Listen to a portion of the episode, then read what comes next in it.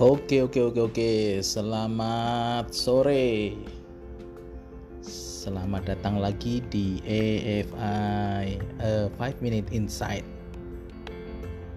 Oke uh, Hari ini um, ada menarik uh, Terinspirasi dari uh, Waktu saya main tempatnya temen Ya kan? Temen kebetulan punya kedai gitu ya Punya kedai dan kedainya ini kalau saya lihat bagus. Kualitasnya juga oke tampilan oke.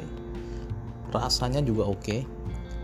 Tapi uh, yang agak khawatir itu adalah ke lead time atau lamanya waktu pelayanan. Dari mulai di order sampai kemudian customernya mendapatkan apa yang dia pesan. Nah ini mengingatkan saya pada uh, waktu tahun medio tahun 2007-an ya 2006 2007 lah. Ketika saya kebetulan dapat kesempatan untuk stay di Jepang. Um, jadi saya itu tertarik dengan Jepang itu waktu itu ya. Salah satunya adalah karena cara kerjanya. Cara kerjanya yang sistematis terus kemudian lean ya. Lean itu artinya dia benar-benar tidak menyuplai tanpa ada demand gitu. Jadi tidak perlu nyetok gitu.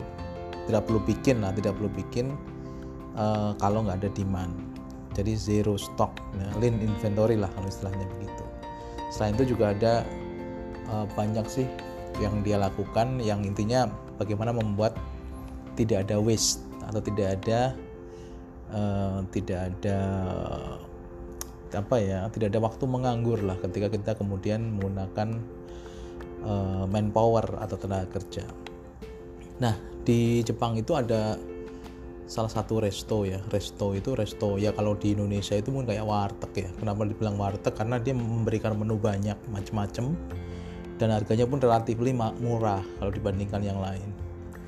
Cuma jangan dibayangkan warteg di sana itu ya kayak warteg yang di sini. Karena di sana itu sangat canggih lah Nah, sebut aja namanya Matsuya ya. Sebetulnya banyak nih tipe-tipe tipe-tipe tempat makan yang seperti ini di sana.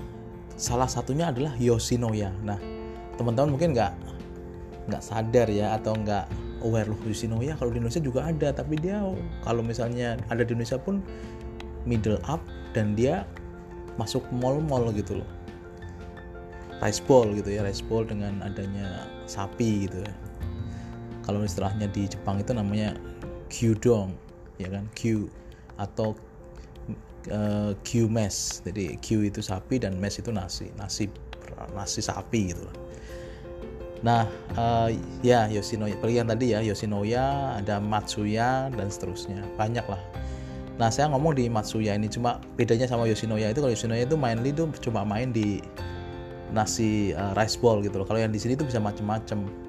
Ada kare, ada soup, ada uh, salad, ada Q Q mess itu sendiri, ada uh, apa namanya? Ada uh, ikan bakar. Ikan bakar tuh kayak misalnya yang dibakar di sana itu kayak dori gitu, dori bakar dan ramen tapi itu dalam satu shop atau iya kita nyebutnya he ya gitu. Ya, ya itu biasanya kayak tempat makan gitu ya.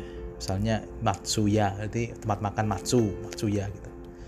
Nah di situ menariknya apa? Jadi ketika masuk gitu kan kita masuk itu kita tom, uh, pencet tombol mau masuk gitu. Dan itu tombolnya otomatis geser dan ketika geser itu dia menimbulkan bunyi. Jadi lonceng yang berbunyi cleaning gitu kan. Dan uh, si penunggunya di sana, uh, maksudnya waitersnya itu dia langsung menyupakan selamat datang. Kalau bahasa Jepangnya irasai mase gitu. Atau irasai masep gitu kan. Kalau cepat gitu. Dan mereka teriak bareng-bareng. Nah terus kemudian baru kita masuk. Nah setelah masuk itu setelah masuk itu kita itu langsung diarahkan ke tempat buat milih makanan apa yang kita yang akan kita mau gitu loh. Bentuknya itu kayak vending mesin cuma kalau vending mesin di Indonesia kan banyak kan kita masukin koin terus keluar kita milih minuman apa yang mau kita pesan gitu loh. Kalau yang di sana itu gambar menu yang kita mau pilih itu ada harganya. Terus nanti kita masukin koin nanti kita pencet menu itu dan dari vending mesinnya itu akan akan keluar kayak kupon. Nama makanannya sama harganya. Nah kalau istilahnya kalau di sana itu tempat seperti itu namanya Jido Hambaiki. Cuma Jido Hambaiki itu biasanya khusus untuk minuman ya. Ya ini kita bilang Jido Hambaiki tapi untuk makanan gitu loh karena dia ngeluarin kupon. Nah terus kuponnya itu kita kasih ke waitersnya. Waitersnya salah satu waitersnya itu terima oh ya ini surprise-nya juga. Untuk mengelola satu tempat makan itu itu cuma ada dua orang mas. Eh, bapak-bapak semua ya teman-teman semua. Cuma ada dua orang. Dan itu luar biasa.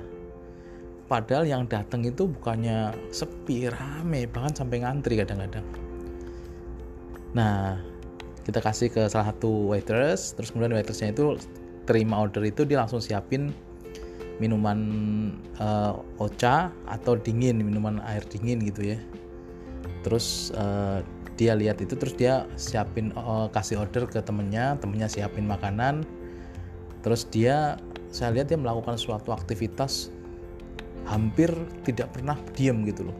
Ada yang bersihin mangkok lah terus kemudian uh, apa namanya beres-beres table nyingkirin gitu kan bersih-bersih terus satunya masak dan sebagainya itu dilakukan oleh dua orang ini. Saya saya lihat tuh luar biasa. Jadi setelah saya kasih itu saya kasih kupon saya duduk. Biasanya dikasih tempat duduk tuh. Duduknya itu kayak bar table ya. Jadi ada stool bar ya. Jadi bunder-bunder itu. Terus kita dikasih space langsung di situ. Itu muatnya bisa banyak orang gitu nah terus kita nunggu.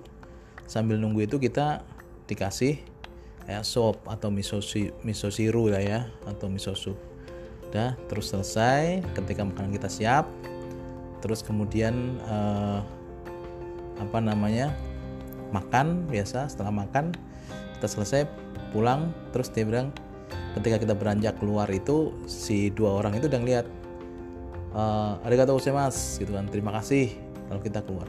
Dan waktunya itu cepat sekali mulai kali kita pesen kasih order terus kemudian dia siapin makanan delivery delivery makanan kita kita makan habis itu selesai dan dibersihkan oleh dia semua dilakukan dengan cepat.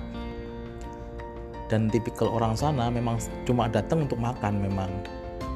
Jadi kalau misalnya saya hitung itu wah luar biasa ini trafficnya trafficnya uh, resto ini nah uh, saya sebetulnya uh, balik ke yang tadi ya saya terinspirasi dari kedai temen yang uh, apa namanya ada masalah kayaknya dengan bagaimana memberi uh, pelayanan dalam waktu cepat ini uh, saya rasa perlu belajar dari Matsuya ini. Jadi Matsuya ini dia cuma dua orang dan itu bisa menyelesaikan uh, isu kaitannya dengan lead time, lama waktu pelayanan sama quality.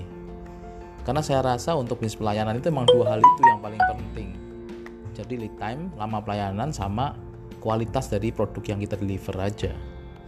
Kalau yang lainnya kan ya normal lah standar tapi kalau bisa kita bisa at least menguasai dua hal itu jadi kita menciptakan diferensiasi di dua hal itu kita pasti akan laku karena uh, ya saya juga pernah juga dapat sharing dari teman kebetulan yang saya referensikan untuk datang ke kedai salah satu kedai gitu ya.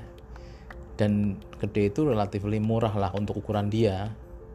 Dia akan memilih untuk kemudian ngapain sih kak? Aku harus nunggu gitu kan untuk beli makan yang ya walaupun katanya murah dan enak katanya cuma akan buy something um, better than that gitu loh. Kenapa saya harus nunggu? Dan kalau udah seperti itu uh, hal yang kita expect bahwa kita kemudian, mereka kemudian menjadi advokat kita untuk menyuarakan ke teman-temannya sehingga dengan harapan mereka dia menjadi ambasador gitu kan atau advokat itu tadi ngajak teman-temannya untuk datang kalau istilah bahasa Jawanya ketok tular gitu ya. Word of mouth itu tidak terwujud lah. Karena boro-boro dia akan ikut mempromosikan kedai kita tapi yang ada malah mungkin dia e, menyarankan supaya tidak ke situ karena dia takut teman-temannya itu kecewa. Nah itu jadi sharingnya. Nah setelah saya waktu itu saya sempat amatin ya, ternyata si A dan si B waiters itu kuncinya adalah si A dan si B ini dia punya e, job desk yang saling mengisi. Caranya dia mapping dulu bisnis prosesnya gimana dari mulai terima order kemudian dia kasih makanan supaya dia nunggu terus dia nyiapin makanan terus kemudian terima pembayaran misalnya kan kemudian setelah itu eh, apa namanya bersihkan sampai membersihkan bahkan sampai nyalamin istilahnya tadi kan ada istilah nyalamin ya ada greeting juga di situ. Itu dilakukan bergantian jadi slotnya slot kerjanya dari si A dan si B itu dibikin sama. Nah contohnya misalnya ketika datang customer datang uh, dan dia ngasih order. Nah ketika ngasih order ini si yang si B ini misalnya dia spesialisasi masak. Nah si A ini kan dia uh, otomatis uh, menunggu ya waiting while si customer eh, si temennya itu dia masak. Dan dia melakukan apa? Dia terima order dia bersih bersih gitu misalnya. Kemudian ketika sarapannya siap gantian tuh dia yang si tadi itu dia terima order lagi untuk yang lainnya terus kemudian bersih bersih lagi. Jadi membuat bahwa work balance dari setiap person ini uh, apa namanya sama.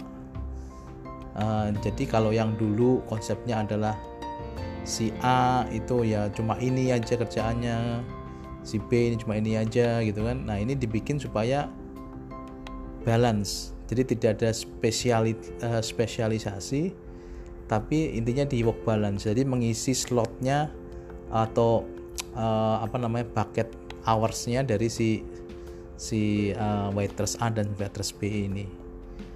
Nah itu poinnya. Jadi uh, menarik ini kenapa saya rekam biar saya juga kemudian ingat suatu saat bahwa saya itu pernah merekam ini. Jadi bisa belajar gitu loh mengingat bahwa kita itu pernah harus mikirnya seperti itu gitu. Uh, dan semoga menginspirasi.